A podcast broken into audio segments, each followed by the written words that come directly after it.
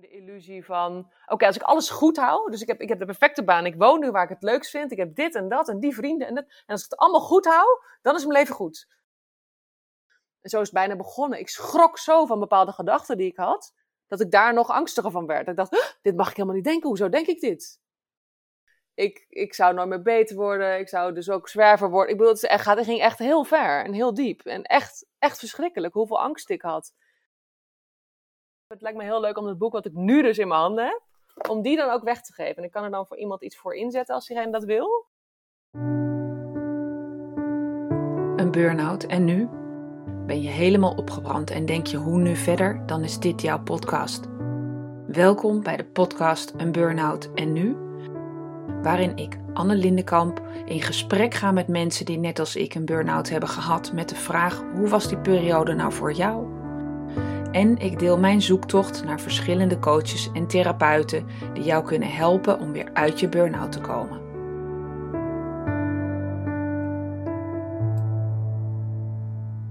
In de reeks gesprekken met mensen die een burn-out hebben ervaren, deze keer een gesprek met Marieke de Goei.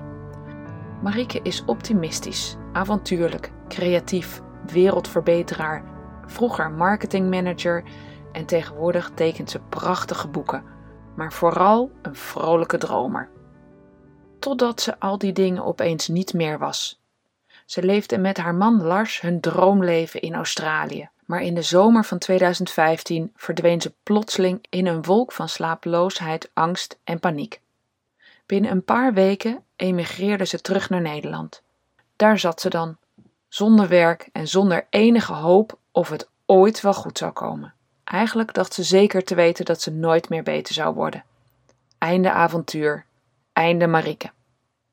Luister naar mijn gesprek met Marieke de Groei over burn-out, angst, depressie of wat haar dip ook was.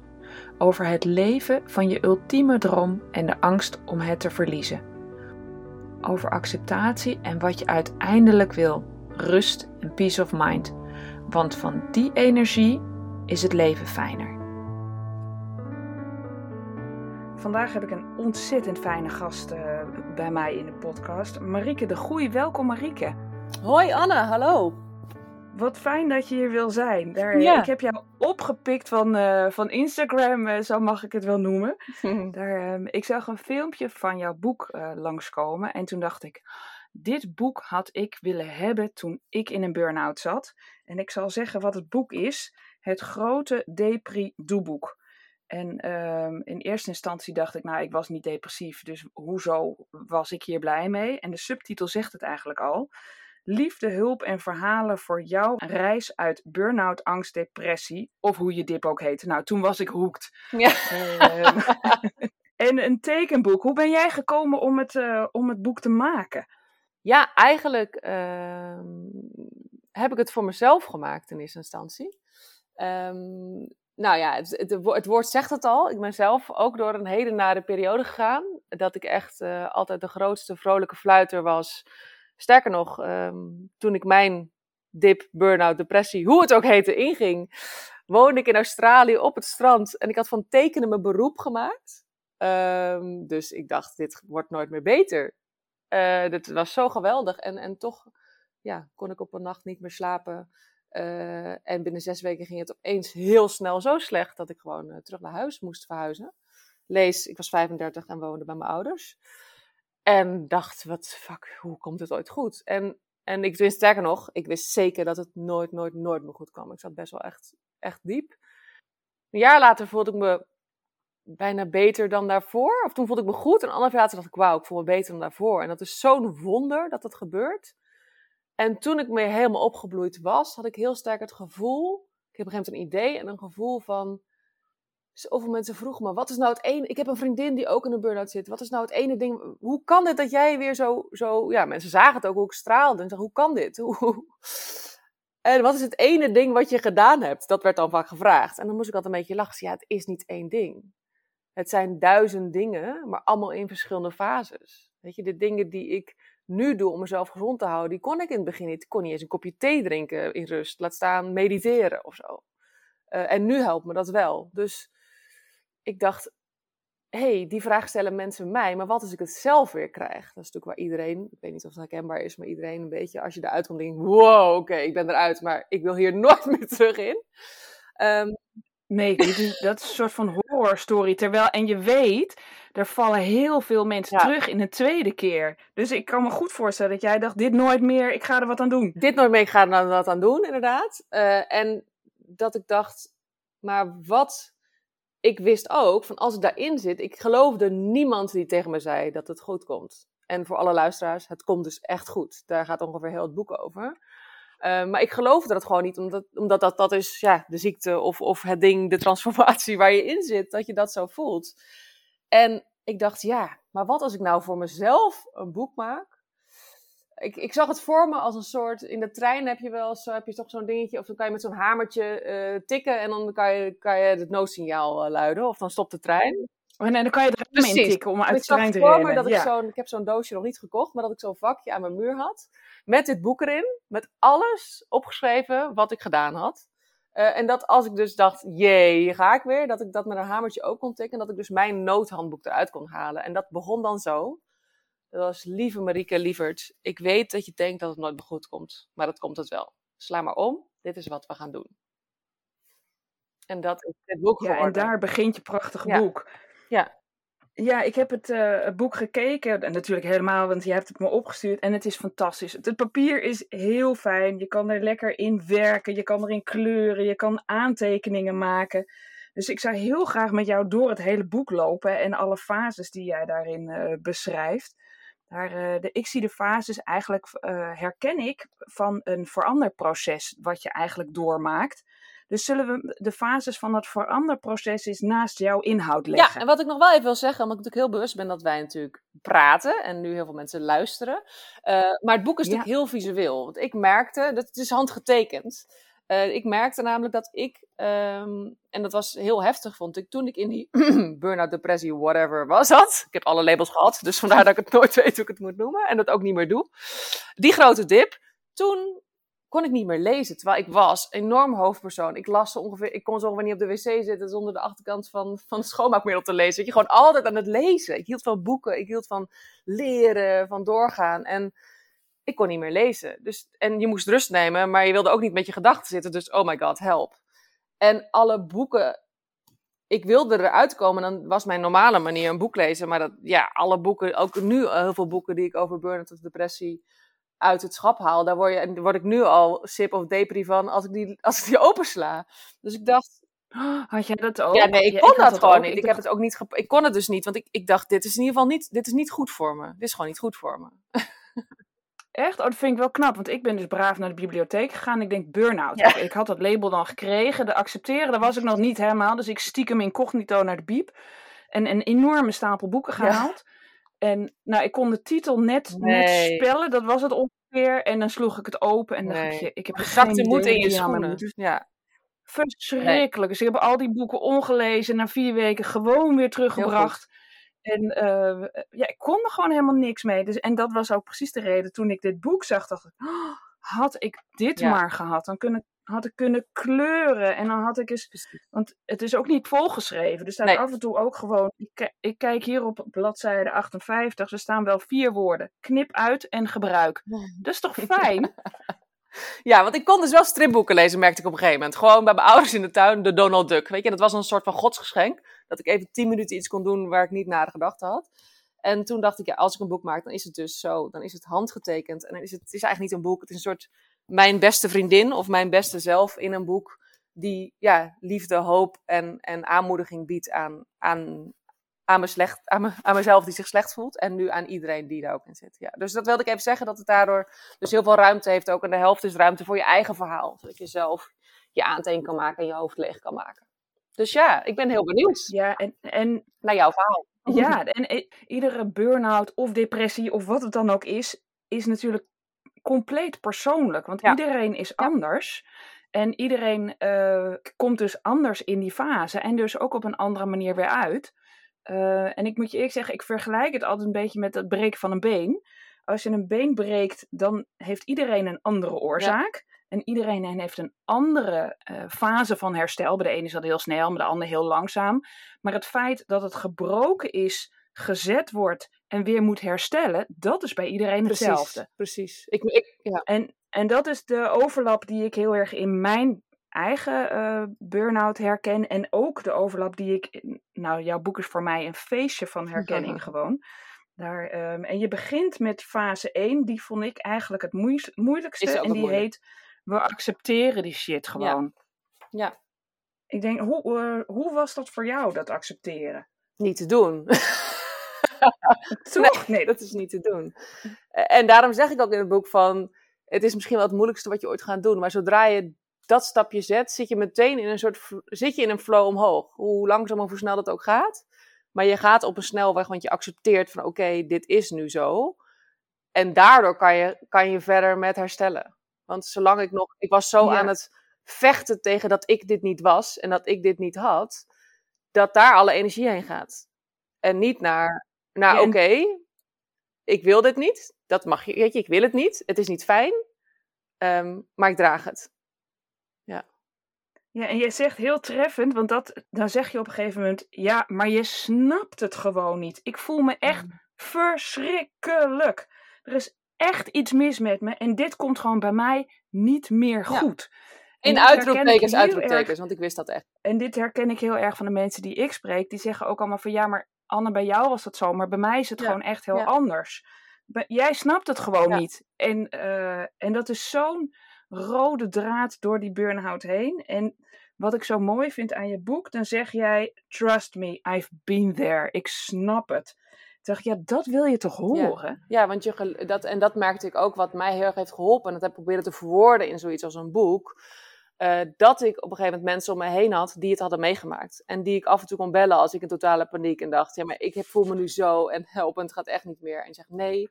En die zaten dan een half jaar voor me in een herstel. Of, of, of, of hadden het al drie jaar geleden gehad, of meerdere keren meegemaakt. En die zei dan: nee, echt. En het helpt gewoon zo om te horen van: ik had het ook en ik ben nu alweer hier.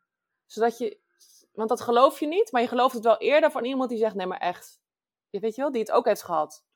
Um, lived experience vrienden noem ik dat eigenlijk in het boek. En dat heeft ook een rol. Naast professionele hulp en naast gewoon vrienden en familie die er niks van snappen, maar er wel van je houden.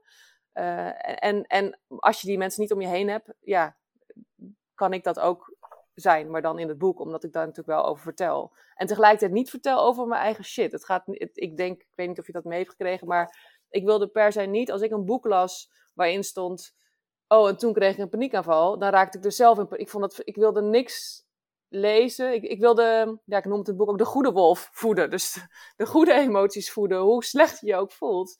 Dus het gaat altijd om, ik snap wat je voelt en ik weet het en ik ben er ook geweest.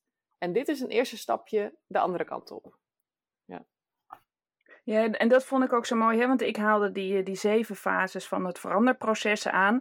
En dan zijn dus de eerste twee fases, uh, zijn verstarring en ontkenning. Nou, die noem jij helemaal niet. Jij noemt het gewoon ik word al naar van, Ik word al naar van die woorden en dat wist ik ook helemaal niet. Ja, nee, dus het is echt uit het hart. ik heb het gewoon gemaakt van dit. Ik ben gewoon teruggegaan. En toen ik helemaal opgegroeid was, ben ik letterlijk uh, zes weken naar Portugal gegaan. In een huisje in mijn eentje. Uh, en daar ben ik, uh, dat het überhaupt weer kan. Hè? Dat vond ik ook toen zelf spannend. Weet je, elke keer leert en echt, moet ik dit allemaal weer opnieuw leren? Ik kon dit allemaal, ik reis over de wereld. Ja, dat moet dus blijkbaar. Alles opnieuw leren. Dus alles is weer een stapje, maar dat kan je wel. Ik weet zeker dat je het kan en, en dat je zo sterk bent. Um, en vervolgens heb ik daar gezeten en uh, ben ik teruggegaan in die fase. Niet zozeer ik me voelde, maar meer van, hey, het was helemaal niet één periode, maar het waren voor mij vijf verschillende fases waarin ik in elke fase andere dingen deed. En ik heb die ook eigenlijk de kleuren van de regenboog gegeven. Dus echt een diep rode fase van paniek en dit komt nooit meer goed. En zo gaat het langzaam eigenlijk via oranje, geel, groen naar ja, blauw en fijn en kalm en rust. Um, en ik heb dus eigenlijk vijf grote vellen. Ik kwam erachter dat die fase waren. En vijf grote vellen. Van, oh ja, dat was de eerste drie maanden. Bij mij. Bij iemand anders duurt het misschien een week. Of dat daar noem ik allemaal niet in het boek nu blijkt het daar ja, al heel veel mensen heel veel van hebben, omdat het dus universele fases zijn. Terwijl ik dat natuurlijk niet wist toen ik er zelf doorheen ging. Je voelt je heel alleen, maar je bent het echt niet. Er zijn echt heel veel mensen die er doorheen gaan. Ja, en dat is precies de reden natuurlijk waarom ik deze podcast ook ja, maak. Geweldig. Omdat je je alleen voelt. En ook precies wat jij eerder al in ons gesprek noemde, hè, van uh, Eh, je wil gewoon weten dat het goed komt. Je wil spiegelen aan mensen die voor, voor jou dit al hebben meegemaakt. En uh, een deel van mijn podcast is gewoon mensen vertrouwen geven van het komt echt weer goed. Hoe shit je ook voelt en je kan niet meer, hè, jij gaf aan, je kan niet meer lezen. Ik, ik kon niet eens meer koken. Dat ik dacht, hoe, hoe, krijgen mensen aardappelen die niet aangebrand zijn? um, dus terwijl koken is echt een ontzettende hobby van me. Dat vind ik zo leuk, daar word ik zo blij van. En, maar ik kon het gewoon niet meer. Dus hoe confronterend dat je dat niet meer kan. En dan jouw boek om te laten weten, het komt goed. En, en dat, daar is ook precies uh, deze podcast voor. En die komen nu audio en, uh, en visueel komen gewoon samen in deze podcast op dit moment. Lieve lezer, wat fijn dat je hier bent en dat het boek jou gevonden heeft. Het is er namelijk speciaal voor jou. Al maakte ik het in eerste instantie voor mezelf. Want als iemand die als vrolijke fluiter door het leven ging, had ik echt geen idee wat me overkwam toen ik plotseling verdween in een wolk van gedachten, angst en paniek. Binnen een paar weken was ik er 100% van overtuigd dat dit nooit meer goed zou komen. Einde avontuur, einde Marieke. Ik vond het ook echt zonde. Maar het bleek een nieuw begin. Langzaam maar zeker krabbelde ik op door niet te luisteren naar die duizend en één gedachten en elke dag weer goede dingen voor mezelf te gaan doen. Dus toen ik helemaal opgebloeid was, begon ik aan dit boek. Een liefdevol handgetekend doeboek. Met alle tips, oefeningen en verhalen die me echt hadden geholpen. Mocht het me ooit weer overkomen, dan zou ik mezelf met veel liefde bij de hand kunnen nemen en er stap voor stap weer uit kunnen loodsen. Zodat ik me nooit meer zo verloren en alleen zou voelen. Liefs Marieke. Ja, deze brief wil je toch krijgen op de dag dat je thuis zit en denkt: fuck, de wereld is afgelopen. Ja. ja. toch? Daar, uh, en het biedt ook, wat ik heel fijn vind aan het boek, is het biedt, biedt ook uh, mogelijkheid tot uh, nieuw inzicht. Wat voor mij echt helemaal nieuw was. Je hoofd is gewoon een roddelblad. En wat je denkt, het is niet waar. Ja, die is goed, hè? Zo, zo fijn. Hoe kom je op zo'n prachtig inzicht? ik weet het niet meer, want die is gewoon echt van mezelf. Ja, niks is van mezelf. Ik heb het ergens. Uh... Ja, ik, nee, ik, ik, uh... ik realiseerde me dat gewoon. Dat, omdat ik er helemaal uit was en dacht: hoe kan dat? Dat ik maandenlang met zoveel narigheid in mijn hoofd heb gelopen. Ik, ik, ik bedoel, ik, ik zou nooit meer beter worden. Ik zou dus ook zwerver worden. Ik bedoel, het, het ging echt heel ver en heel diep. En echt, echt verschrikkelijk hoeveel angst ik had. En dan een jaar later is dat er allemaal niet meer zo. Dus dan blijkt dat dat niet waar is. Het was gewoon niet waar.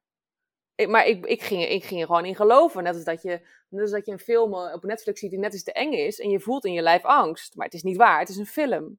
Maar dit is ook een film. En toen vond ik het zo mooi om te denken aan inderdaad zo'n zo'n zo'n gossipblad. Waar zo'n zo'n zo'n Engelse tabloid die ook maar van alles opschrijft. En omdat het er staat, is het waar? Nee, dat je denkt, betekent niet dat het waar is. En ik, ik weet dat ik in het begin ook heel erg, en zo is het bijna begonnen. Ik schrok zo van bepaalde gedachten die ik had. Dat ik daar nog angstiger van werd. Ik dacht, dit mag ik helemaal niet denken. Hoezo denk ik dit? Maar lieverd, je kan niet, je kan niet controleren welke gedachten opkomen. En in heel veel fases of hormonaal of wat voor manier dan ook, kan je er ook niet uh, niks aan doen dat je die gedachte hebt. Soms is het gewoon iets chemisch. Ja, en dat was voor mij een ontzettende inzicht dat je je basisbehoefte is overleven. En wat, daar heb je, hoe overleef je? Door te vechten of te vluchten. En dat wordt geregeld in je reptiele brein. Dat zit ergens in, eh, in je hersenstam. En die gaat gewoon aan op angst. Ja. Dus als je bang bent voor iets, dan ga je gewoon in de overleefstand. En dan wordt al het bewuste, evenwichtige nadenken, dat kan fysiek niet meer. En dat was voor mij een ontzettende bevrijding om me dat te realiseren. Dat ik dacht, ja, maar ik, ik kon het ook gewoon niet. Hoe hard ik ook met mijn hoofd probeerde om te relativeren en het niet als aanval te zien. En te accepteren. Nee, nee joh, ik ging ook, uh, ik ging even leuk de kracht van het nu proberen te lezen. Maar het is gewoon, ik wist al, ik mediteerde al, ik wist al, ja, maar je bent, weet je, zeg maar, je bent niet je gedachten. Ja, fuck you. Er staan vijf leeuwen voor me, maar ze staan er niet. Maar ik voel me gewoon 24 uur per dag zo. Het is echt onmenselijk. Het was onmenselijk om een uur door te komen of een paar minuten. Laat staan, je bent, ja, dat is, en, en ik snap nu ook beter, maar als je erin zit, voelt het niet zo. Dus, maar als je bedenkt, oké, mijn batterij zit gewoon helemaal op rood. Dus alles wat ik nu voel en denk, hoef ik even niet zo serieus te nemen. Dat helpt al heel erg om een stukje afstand te nemen. Van oké, ik voel dit, maar ik kan ook denken, maar ik voel ook mijn voet op de vloer. Oké, ik denk dit nu, maar ik voel mijn voet op de vloer. Het maakt niet uit. Ik hoef dit alleen maar door te komen. Dus ik hoef niet, ehm, weet ik veel, ik hoef geen boek te schrijven. Ik hoef niet heel goed erin te worden. Ik hoef niet te denken aan mijn werk. Ik moet alleen maar deze dag doorkomen. En, want daarna komt dat andere weer. Als je in een andere fase bent. Maar in fase rood inderdaad, ja, dat, dat hoeft niet. Want je, je gaat eerst jezelf proberen je lijf weer tot rust te laten komen. En daar ben ik ook achter gekomen. Ik was altijd heel erg lijf en hoofd en je gedachten heb je onder controle, maar ze beïnvloeden elkaar gewoon heel sterk. Als jouw lijf op is, dan gaat je hoofd eigenlijk, en dat is ook in dat stuk batterij waar het uitlegt, dat als je batterij helemaal leeg is, ehm, hoe dat ook gebeurd is, hoe je je gebroken been nog gekregen hebt, dan, ja, dan, dan gaat je lijf ook slapeloosheid en angst en depressie en dus ook nare gedachten aanmaken. En dat wist ik, dat wist ik toen nog niet. Uh, dat je daar niks aan kan doen. Nee, precies. En dat is wat ik bedoelde met die bevrijding. Die nare gedachten, die, uh, die, die zijn er gewoon. En die, daar kan je niks aan doen. Nee. Je kan precies wat jij noemt, het mediteren. Je kan daar uren gaan zitten mediteren. Nee. Of je het nou wel of niet kan, maakt niet eens uit. Maar in die fase helpt het gewoon niet. En daarom heet het ook wel voor mij, het, het staat ook voorin, het heet het doeboek. Ik heb ook echt voor ingezet, je wordt niet beter door wat je denkt, maar door wat je doet. En nu bij helemaal goed Exact, gevoel, ja. ben ik heel veel met mijn gedachten bezig Ja. en mediteren. En denk ik, ja, is dat waar? Maar in die fase was het zeker voor mij waar. Want ik moest gewoon een kastje gaan schilderen of met mijn moeder een heel lang stuk gaan fietsen, waardoor ik even dat niet dacht, weet je wel. Gewoon niet, ja, even negeren misschien soms. Ja, ja, en op een gegeven moment komt, jij noemt het fase 3, de zon komt altijd weer door. Je geeft ook eh, eh, tips van hoe je er nou mee om kan gaan. En dan heb je op bladzijde 143 heb je een, eh, een trucje. Echt, dit vind ik echt te grappig, want die angsten waar we het net over hadden, daar zeg je, zet je angst of je gevoel naast je op de bank en zeg fijn dat je er bent. Wat wil je tegen me zeggen? Hoe, hoe kwam je hierop? Ja, eigenlijk heb ik, eh, ik heb heel veel mogen leren van een, eh een eh Fausja, een, een, een inmiddels vriendin, maar meditatielerares die ik ooit had. Ik zat echt helemaal aan de grond. Ik wist niet meer wat ik moest doen. Ik was terug geëmigreerd, waarbij doktoren ook nog eens zeiden, ah, je hebt een angststoornis. Nee, ja, dan moet je niet, dan moet je, niet je omgeving veranderen. Maar ik ben net terug uit Australië. Dus dat, ik wist echt niet meer wat ik van voor en achter moest doen. En hulpverleners vond ik, ja, die hielpen me. Ik had toen nog niet de goede gevonden. En toen heb ik gelukkig een meditatielerares weer ge- gevonden die me toen had geholpen. En die heeft mij gewoon heel veel mooie verhalen verteld. En die kon het heel erg in perspectief zetten. En die kon zo goed luisteren dat ik ook merkte dat als ik zo angstig werd, of dat ik gewoon, eh, zeker in die fase, je bent weer beter, maar je denkt, oh, ik voel weer iets, oh, straks komt het terug.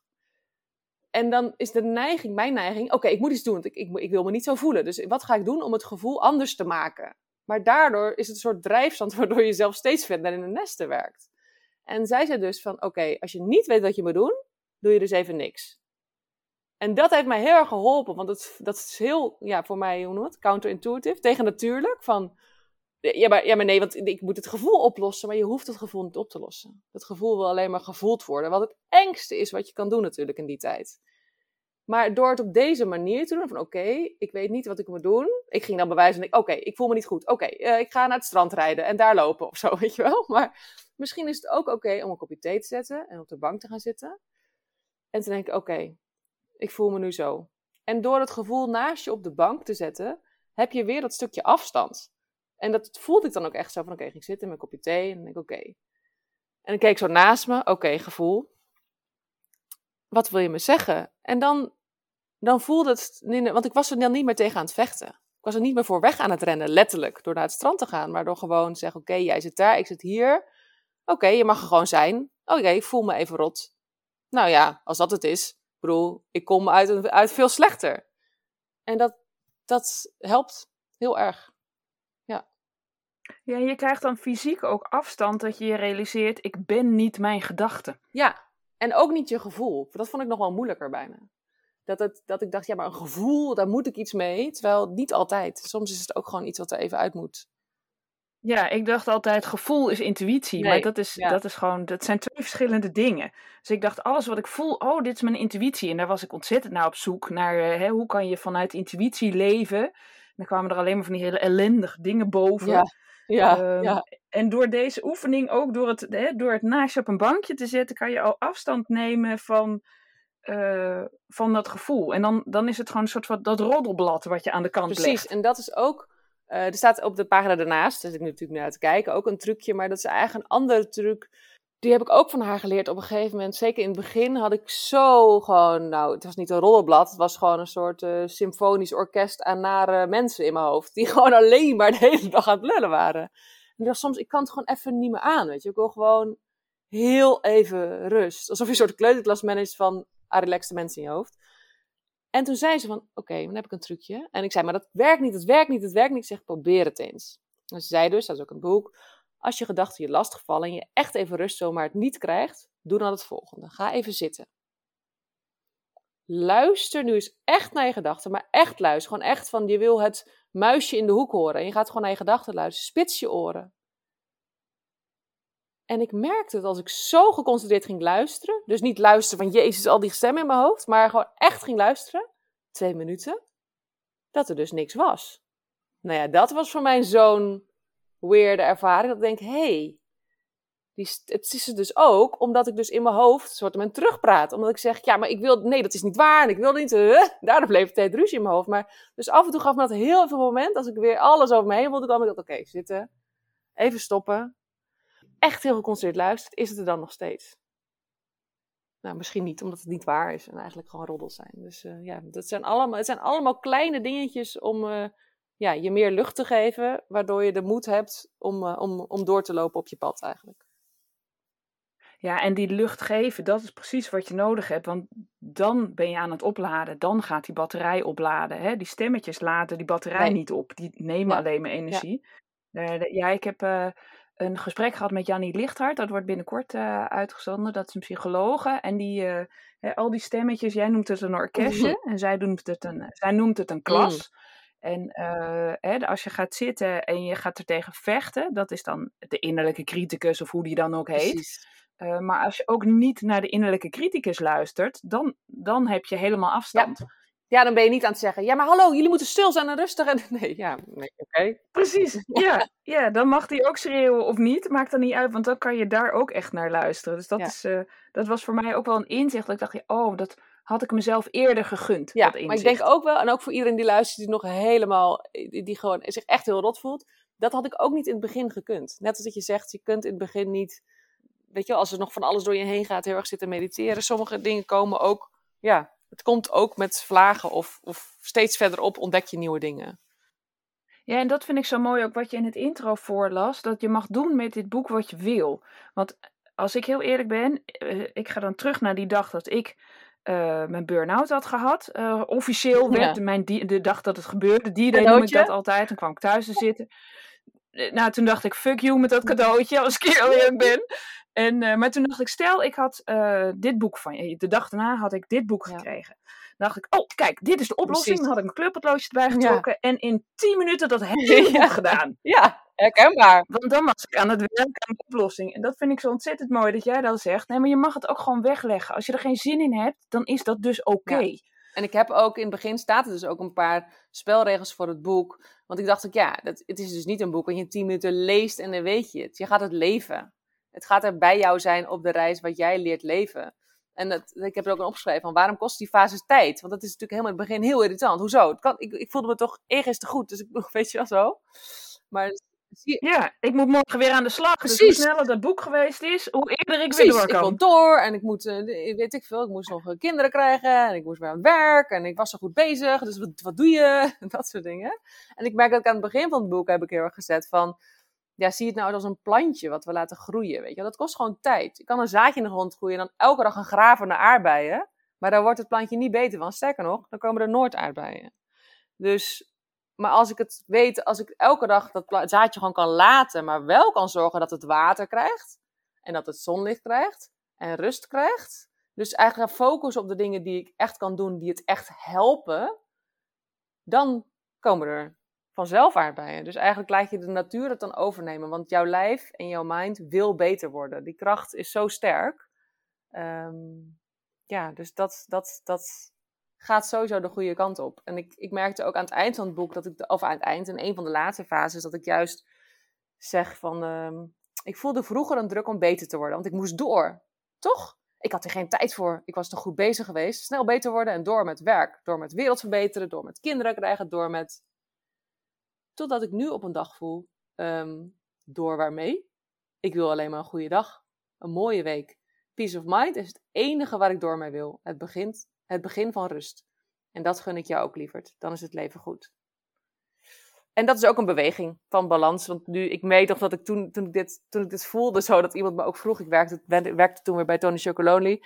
En die vroeg zo van, en, en wat is je plan? Wat, wat doe je over vijf jaar? En ik dacht, ik ben daar zo niet meer mee bezig. Ik wil alleen maar me blijven, ik wil me voelen zoals ik nu voel. Ik wil zoals vandaag. En dat is echt heel bevrijdend. En nu zit ik soms ook weer in, ik heb een boek en oh, wat en dat merkte ik de afgelopen maanden weer.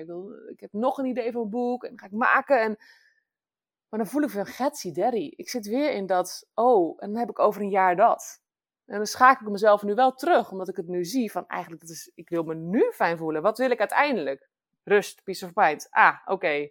Hoe ga ik deze week, deze dag, rust en peace of mind hebben? Meer loslaten. Want vanuit die energie komt er een mooier boek. Komt er, is mijn leven fijner en daardoor alles wat ik maak fijn. En heel eerlijk, hoeveel het niet zo voelt, werk ik ook gefocuster en, en beter en efficiënter daardoor. Maar het is wel een actief proces van dat ja, terugschakelen naar eerst rust, dan de rest. Ja, en dan gaat dan ook nog, heen, dan krijg je een fase, want um, je beschrijft heel mooi dat aardbeienplantje wat groeit. Uh, fase 4 in jouw boek, dat begint, is groen, als in groen, en dat begint met een tekeningetje met een heel klein plantje wat aan het groeien is. En dan staat eronder, daar kunnen we op bouwen. En dat, gaat, dat hoofdstuk gaat ook eigenlijk over uh, leren houden van jezelf. Ja. ja. Toch? Het gaat echt over leren houden van jezelf, dan denk je echt, ja, heel mooi. Ja. hoe ga je dat in godsnaam doen? Weet je, daar doe het maar eens even. Daar, uh, en in die bladzijde, dat heet ook letterlijk, hoe doe je dat dan? Het houden van jezelf. En dan geef je allemaal tips, echt. Dus dat vind ik heel fijn ook, dat het niet alleen een doelboek is, maar dat je ook houvast geeft van, ja, maar hoe En het dan? leuke is, want dat is dus wel, uh, ik heb dus alles in het boek gedaan, hè. Mensen zeiden ook toen ik het boek aan het maken was: Oh, dit werkt ook, dit moet je er ook in zetten. Of ik zei: uh, nee, nee, nee, nee, nee. Ik zet hier alleen in wat ik heb gedaan, wat NS1 werkte en wat ik dus weer zou willen doen. dus ik heb ja. liefdesbrieven aan mezelf geschreven. En ik, ik zie het nu staan en denk: Ik ga het vandaag weer doen, want het werkt echt. Je schrijft een lieve brief met je kan dit en, en hoe fijn dat je, je bent zo dapper en wat fijn dat je wakker geworden bent en wat lief dat je een kopje thee voor me hebt gemaakt. En vervolgens ga je naar je werk of je gaat naar buiten en je komt terug en die brief ligt voor je op de keukentafel. En ik kan je zeggen, je maakt hetzelfde gelukshormoon of knuffelhormoon aan of iemand anders zo'n lieve brief voor je maakt of jezelf. En dat is echt heel bijzonder. Ja. Ja, en het proces is ook heel bijzonder. En heel, hè, want dan, dan ben je vanuit jezelf voor jezelf. En, uh, en je zegt ook echt, wees er ook voor jezelf. Ook als je je niet goed voelt. En dat is natuurlijk precies wat jij nu met dat voorbeeld ook beschrijft. Als je thuis komt en die brief aan jou ligt, uh, ligt voor ja. je klaar. Ja, en praktische tips. Zoals ik, ik voelde soms wel van, ik voel me heel rot en ik wil huilen. Maar toch ging het dan niet of durfde ik het niet of weet ik van wat. En dan staat er ook van, dan zet ik gewoon een romantische huilfilm of gewoon zo'n romantische comedy op. Want dan komen ook, weet je, op een fijne manier ook die tranen. En vervolgens kon ik het dan wel loslaten, weet je. Gewoon dat soort trucs. Ja, ik heb echt de grootste lijst van feel goods dingen op Netflix die je kan bedenken. Ik kijk dus ook niks meer. Ik kan het gewoon niet. Zeker in die tijd. Ik voelde me al rot. Dus ik kon niks hebben wat iets van rottigheid had. Ik kon het ook niet hebben als de radio hard stond of zo. Maar zeker geen schietfilms. En dat kan ik altijd al niet. Ik ben gewoon heel gevoelig, merk ik. De, de, de, de, de stem in je hoofd van, van liefde en de wereld is oké. Okay, en, en, en het is goed. En, en die heeft ook wat voeding, wat bewijslast en wat voeding nodig. Dus dat is ook een tip om als je iets kijkt of als je iets doet, ja, ook daar een beetje lief zijn voor jezelf. En niet van, ja, maar vroeger komt het ook kijken. Ja, nou en? Heb je het echt nodig? Nou, misschien nu even niet. Misschien later weer wel, als je het leuk vindt. Ja, ja en ik, vond het een hele, ik vind het heerlijk dat je dit zegt, omdat het voor mij wel een enorme stap was. Dat ik dacht, maar dit is cultureel totaal niet verantwoord. Ik zit hier gewoon troep te kijken. En, en, ik, ik word er emotioneel door geraakt. Dus ik, ben, ik vind het heel bevrijdend dat jij ook zo'n lijst ja, ik had het van de week nog zelfs. Dat is dus niet ik, uh, wij hebben een campingplek in Bloemendaal. Dus ik probeer ook op die manier dat we, dat we... We hebben daar een oude caravan staan, zodat we daar af en toe heen kunnen. Omdat ik ook veel natuur eigenlijk mij heel veel hielp. Echt uh, buiten de ring zijn. En um, ik, had, ik was daar van de week en mijn zoontje lag te slapen. En ik, ik, ik heb ook allemaal nu weer in een fase met, met cursussen en, en dingen leren en, en een boek. En dan heb ik ook zoiets, oké, nou nu ligt hij op bed, nu ga ik iets nuttigs doen. Ik wil nu iets nuttigs doen. Of waar ga ik me nu beter van voelen? Het voelde me net niet helemaal. Ik dacht, ook, oh, moet iets, als ik nou iets nuttigs doe, dan heb ik een goed gevoel over mezelf. Nou ja, ik zat een beetje in die crap van mijn eigen gedachten. Nog steeds, hè, ook interessant. Ik ben helemaal beter. Maar dit is natuurlijk wel iets wat, ja, dit is gewoon leven. Zoals Fauzia ooit zei, zeg, is het dan nooit voorbij? En toen moest ze lachen en toen zei ze, ja, als het voorbij is, dan lig je tussen zes plankjes. Dus dat accepteren dat dit ook gewoon iets is wat erbij hoort, helpt mij heel erg. En dat iedereen het heeft, in een bepaalde mate. Nou, ik dacht dus, ik weet het niet. En uiteindelijk ben ik dus, heb ik gewoon op Netflix toch gekeken. En ik had daar een film, ik had de, film Chocola. Had ik ooit al een keer gezien. En dat is ook, het is een goede film en tegelijkertijd ook een romantisch verhaal. En ik dacht ook, en de eerste tien minuten van dat ik aan zat te kijken, was ik echt in de weerstand van dit is totaal niet nuttig. Ik heb die cursus nog, ik wil dat nog afmaken, wat ben ik aan het doen? En ik heb die film gekeken. En ik voelde me zo goed. En ik, het was zo magisch. En ik, ik, ik bedoel, ik was donker in de erf en ik kon naar buiten kijken. Ik kon een beetje sterren zien en een beetje lampjes in de duinen. En ik dacht, dit is dus precies wat ik wel nodig had. En dit helpt mij veel meer op mijn weg naar die cursus. Of hoe ik me wil voelen. Of dat nieuwe boek. Hielp me veel meer om deze film te zien. Want het gaat ook over de, de kracht van vrouwen. En de kracht van joy. En de kracht van dingen doen die je leuk vindt, in plaats van die moeten. Die in de film moeten die van de kaak. En iemand anders heeft gewoon een chocoladewinkel en, en leert mensen weer genieten van het leven, dat dingen best mogen. En die parallel, ik had hem niet voor uitgezocht, maar dat was precies even wat ik moest horen. Dat ik dus, en de volgende dag heb ik ook mijn agenda leeggemaakt en dacht, ik ga niet, ik ga even gewoon hier zijn en genieten en niet die tien to-do's in mijn hoofd. Dus dat sluipt er gewoon soms weer in. En het mooie is, als je dit hebt meegemaakt, dat je jezelf eerder kan helpen. Dus je kan jezelf eerder terugroepen van, jeetje, ik heb dit toch geleerd. Dan zou je zeggen dat je dat gewoon weet. Maar ja, dat mag je dus elke keer weer opnieuw leren. Tot het een, gewoon een leuk spel wordt eigenlijk, om dat te doen. Ja, en in je boek schrijf je ook: The only price of happiness is to stop complaining. En dan staat er naast op bladzijde 210 echt een fantastisch eenvoudige tip. Wil je jouw tip met ons Ja, zeker. Ik heb dit geleerd op een yoga-retreat. Je doet een armbandje of een touwtje of iets om je arm. Uh, nou, touwtje is niet zo handig. Dus iets van een armbandje of een elastiekje of iets simpels. En je doet hem bijvoorbeeld op je linkerarm. En um, elke keer als je klaagt, dan wisselt het armbandje van links naar rechts. Of andersom. Dus als je dan weer merkt, hé, hey, ik, klaagde eigenlijk. Dan doe je hem weer naar de andere arm. Dus het is geen straf, het is niet slecht. Links is niet beter dan rechts. Maar het is gewoon dat je bewust wordt van, hé, hey, wacht even. Oh, moet ik mijn armbandje de andere kant doen. En het gaat er ook echt om. Kijk, klagen is niet eh, zeggen van, oh, ik voel me niet lekker, is niet per se klagen. Uh, soms is het ook gewoon um, zeggen hoe je je voelt. Dat is prima. Maar als je de energie in een ruimte of in jezelf naar beneden brengt. Van jeetje, ik voel me vandaag alweer slecht. En gisteren was het ook al zo. En morgen wordt het slecht weer. En daar, daar voel je. Niemand voelt zich beter als hij dat denkt, laat staan uitspreekt. Voor zichzelf al niet. En nou, ik ga het trouwens weer doen. Dus iedereen die met ons mee wil doen, ik ga zo'n elastiekje pakken en ik ga hem op mijn arm doen. En het werkt echt. The only price for happiness is stop complaining. Omdat je voelt je gewoon veel gelukkiger omdat je niet je eigen, je, je negatieve gedachten uh, als een soort uh, draaimolen aan het uh, reproduceren bent, maar daar, die gewoon geen aandacht geeft. En als je iets uitspreekt, is het dus eigenlijk iets wat ja, neutraal of lief voor jezelf is. Dus um, ja, verandering begint bij bewustwording, staat er eigenlijk. Dus armbandje omdoen en, ja. en vervolgens als je merkt, hé, hey, ik zeg iets wat eigenlijk voor mezelf of voor een ander iets ja, negativiteit brengt of naar beneden brengt. Niks zeggen, niet boos worden, niet oh jeetje, maar gewoon stil op de arm onder de pols en uh, weer proberen. En zo gewoon je dagen doorgaan. Ja. Ja, en dan ben je inmiddels uh, uh, in fase 5 en dan zeg jij echt, huh? Zijn we klaar? Ja. Maar ben ik er wel klaar ja. voor? Nou ja, dat weer dat gevoel, ja. Ja, en ik vind het echt heel mooi. En dat uh, vind ik een hele mooie afsluiter. En misschien kan jij, uh, ik lees het op, de quote. En daarna zeggen hoe je tot deze prachtige quote kwam. Um, hè, aan het einde van de dip blijft er dan dit over. Someone to love, something to do, something to look forward to. Isn't that what we all need for a happy life, my love? Ja, die kwam dus voorbij inderdaad in, in, een, uh, in een tv-programma. Heel simpel, als je nou iemand hebt om van te houden, al is het jezelf. Iets om te doen, om niet in gedachten te blijven hangen, om niet naar die duivel te luisteren.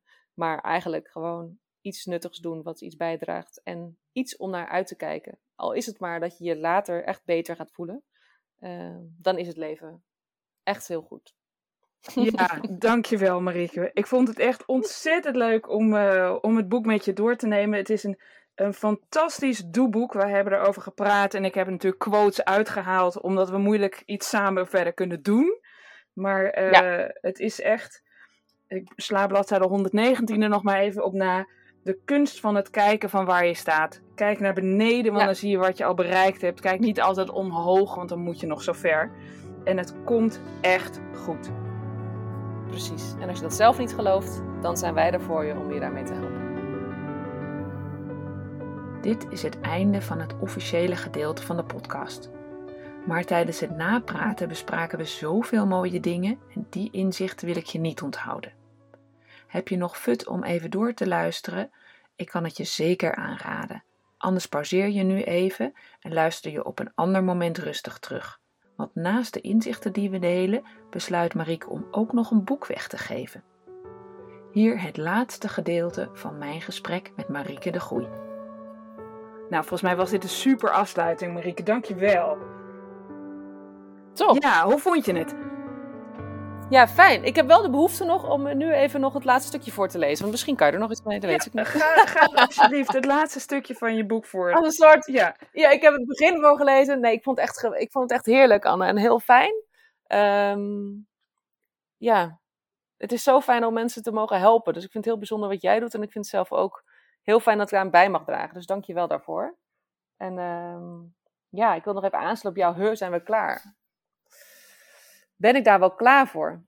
Lieverd, het zit zo. We zijn nooit klaar. We zijn mens. Een mens vol avonturen, angsten, liefde, luiheid, boosheid, briljante ideeën, verborgen talenten, verstopte gevoelens, wonderlijke dromen en nog zoveel meer. Het is nooit klaar. Gelukkig, je leeft. Het is ook nooit op. Er is altijd meer te ontdekken.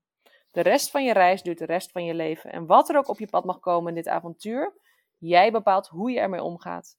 Je hebt zoveel geleerd dat je er nu echt en met open ogen van kunt genieten. Of het nu goed of slecht is. Geluk of ongeluk. Dat bepaal jij, de held en prinses van jouw verhaal. Ik krijg er helemaal zin in. Dankjewel, lieverd. En wat er ook gebeurt, ik reis met je mee. Heel bijzonder ook om zo met jou door het boek heen te lopen. Ja, want uh, uh, ja, ik vind het fijn om, uh, om dit met mensen te delen. Ik denk, wat vind ik nou fijn? Gewoon met mensen delen dat het komt weer goed. En dat ja, jouw boek heeft gewoon, geeft, geeft houvast aan het komt weer goed. Ja, ja, zeker. Ja, ik vind het wel heel grappig, omdat audio natuurlijk in eerste instantie niet mijn medium is.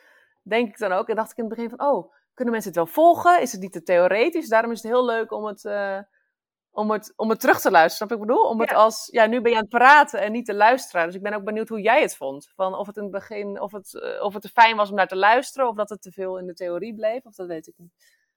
Nee, volgens mij was het, hè, wat we alle twee willen, dat is het doel wat we hebben overgebracht. Namelijk mensen helpen die, die door die fases nog heen moeten. En die dat moedeloze gevoel ja. hebben van komt dit ooit nog wel goed?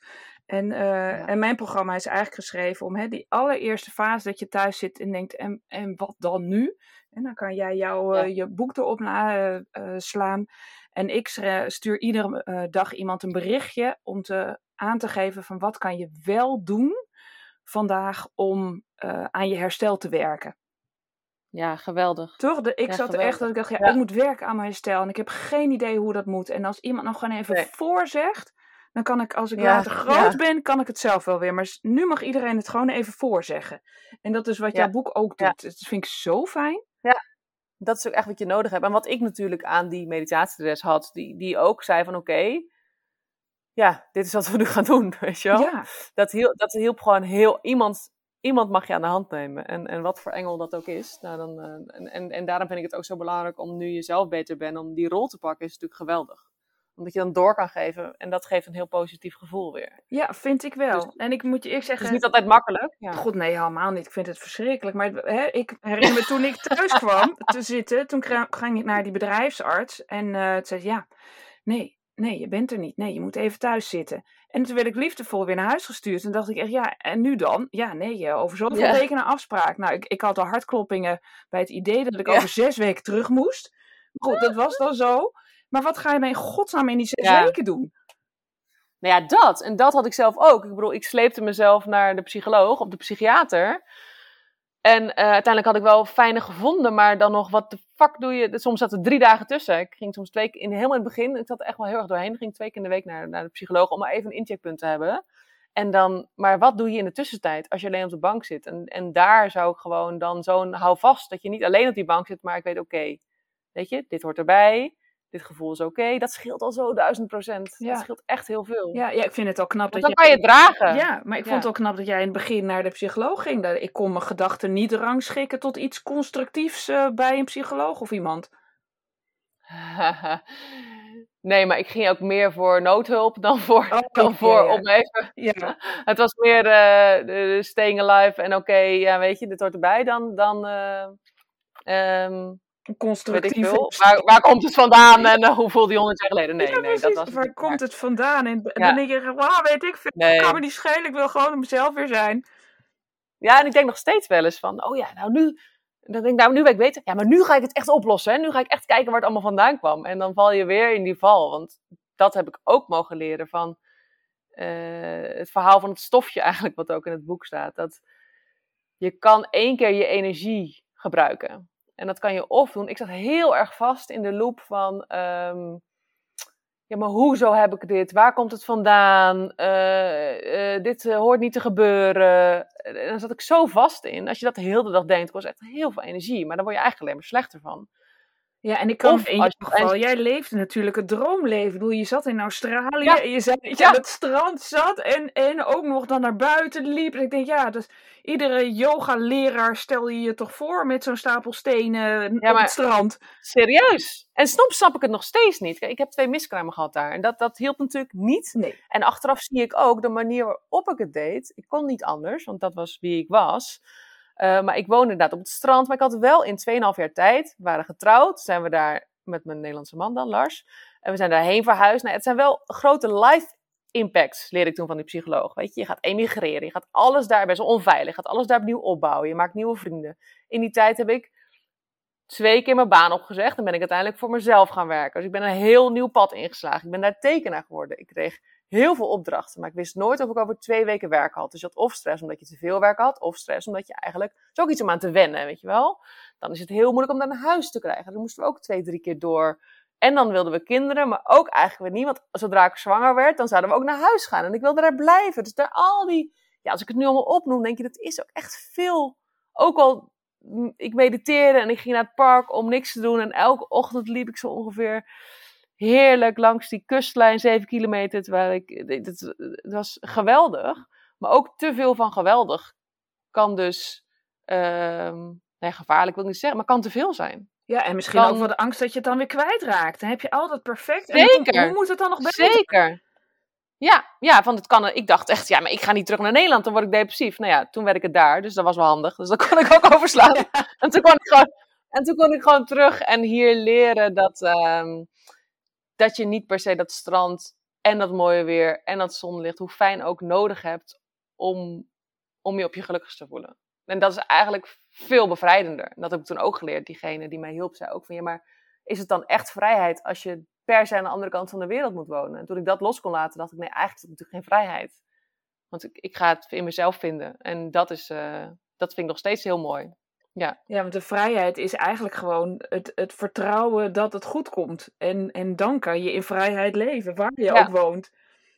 Precies, en waar je ook woont, wat je ook voelt en wat je ook overkomt. Terwijl eigenlijk leefde ik toen nog in de illusie van: oké, als ik alles goed hou, dus ik heb, ik heb de perfecte baan, ik woon nu waar ik het leukst vind, ik heb dit en dat en die vrienden en dat. En als ik het allemaal goed hou, dan is mijn leven goed. Maar ja, ik, ik bedoel, terwijl ik dit zeg, zit ik ook met mijn handen zo. Weet je, ik zat letterlijk, al die ballen moesten in de lucht blijven. Hè? Want anders voelde ik me niet fijn. Maar dat, is geen, dat, is, dat, dat gaat natuurlijk niet. Dat is geen leven.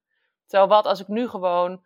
En, en ook straks gebeurt er iets. Of ik word ziek. Of al die angst. En nu denk ik, ja. Oké, life is what happens. Ik heb er echt, echt helemaal geen controle over. Nee, ik vind het ook. Uh, ik heb je boek natuurlijk uh, uitgebreid doorgespit, dat hoor je wel. En dan heb je op een gegeven moment ook dat fantastische verhaal van Er was eens. Over die boer uh, ja. op die paardenboerderij En dan, uh, dan lijkt, uh, lijkt het voor de knecht op die paardenboerderij echt verschrikkelijk. Want uh, het hek is open geweest. En de zoon die gaat die paarden zoeken. En dan krijgt hij nog een ongeluk omdat hij een wild paard wil temmen. En dat lukt allemaal niet. Nee, het is eigenlijk dat alle dorpelingen zeggen: Oh nee, oh nee, wat is er gebeurd? En nu is je zoon ziek en hij is gevallen. En die paarden komen nooit meer terug. En, en die boer is dus heel zen en die zegt: We'll see. We zullen zien.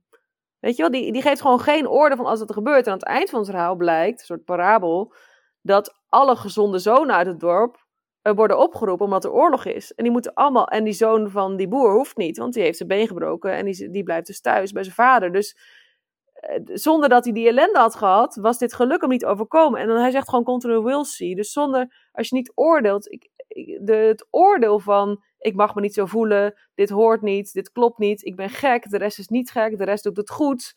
Had ik maar gewoon in Nederland moeten blijven en gewoon een hypotheek moeten hebben en in de file staan voor de Koentunnel, wie dacht ik dat ik was? Nou, dat helpt natuurlijk, dat is allemaal oordeel, maar dat kost heel veel energie en het helpt niet. En nu zie je als je eruit bent van, hé, hey, gek genoeg, door die burn-out zit ik nu hier met jou te praten. Anders hadden we dit moment nooit gehad. Nee, en heel uh, veel hadden mensen... het boek niet gemaakt. Precies, ja. en precies, dat ging ik net zeggen. Dan was dat boek er ook niet gekomen. Dus daar, uh, daar help je nee. ongetwijfeld heel veel mensen mee verder. Daar, uh, ja, het is gewoon echt een prachtig boek geworden. En we wilden er, Anne, nog eentje... Als je het leuk vindt, zouden we een boek weg kunnen geven nog. Ja, dat vind ik natuurlijk fantastisch. Want dit, ik gun iedereen dit boek... Om, uh... Want ik zit nu uh, natuurlijk, terwijl ik aan het voorlezen was, in dit boek te bladeren, wat ik nu in mijn handen heb. Het lijkt me heel leuk om het boek wat ik nu dus in mijn handen heb, om die dan ook weg te geven. En ik kan er dan voor iemand iets voor inzetten als iedereen dat wil. Dat lijkt me een goed idee. Lijkt mij ook. iedereen die dit hoort. Ja, ja, iedereen die dit hoort. En ik moet je eerlijk zeggen... Extra veel liefde ja, komt erin. Maar ik moet je eerlijk zeggen, ik zou het niet van de, van de toren willen roepen van... Hoi, ik wil het wel hebben, want ik heb een burn-out, ik heb het nodig. Nee, Dus uh, nee, ik kan nee. me voorstellen dat... Uh, zullen we het dan weggeven aan iemand die gewoon een DM stuurt? Naar jou of naar, bij, naar mij via Insta?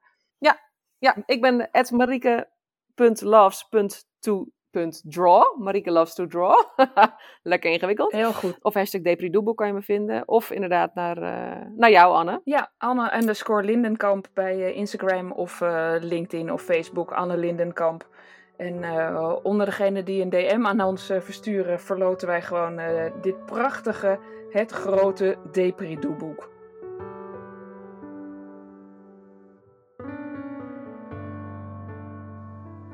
Ik vond het een feestje om samen met Marieke onze burn-out ervaring te delen. Om te praten over haar boek en hoe treffend dat wij dezelfde missie delen. Iemand die in een burn-out zit het gevoel geven: het komt echt weer goed, al voelt dat nu niet zo. In de podcast vergelijk ik de vijf fases van het boek, van acceptatie tot weer groeien en bloeien, met het veranderproces van Julie Hay.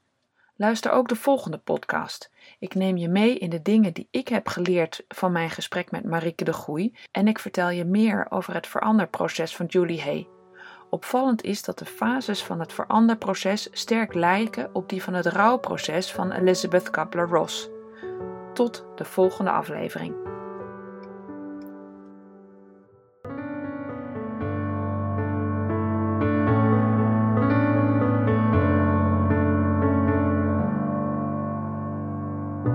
Dit is alweer het einde van de podcast Een Burnout en Nu.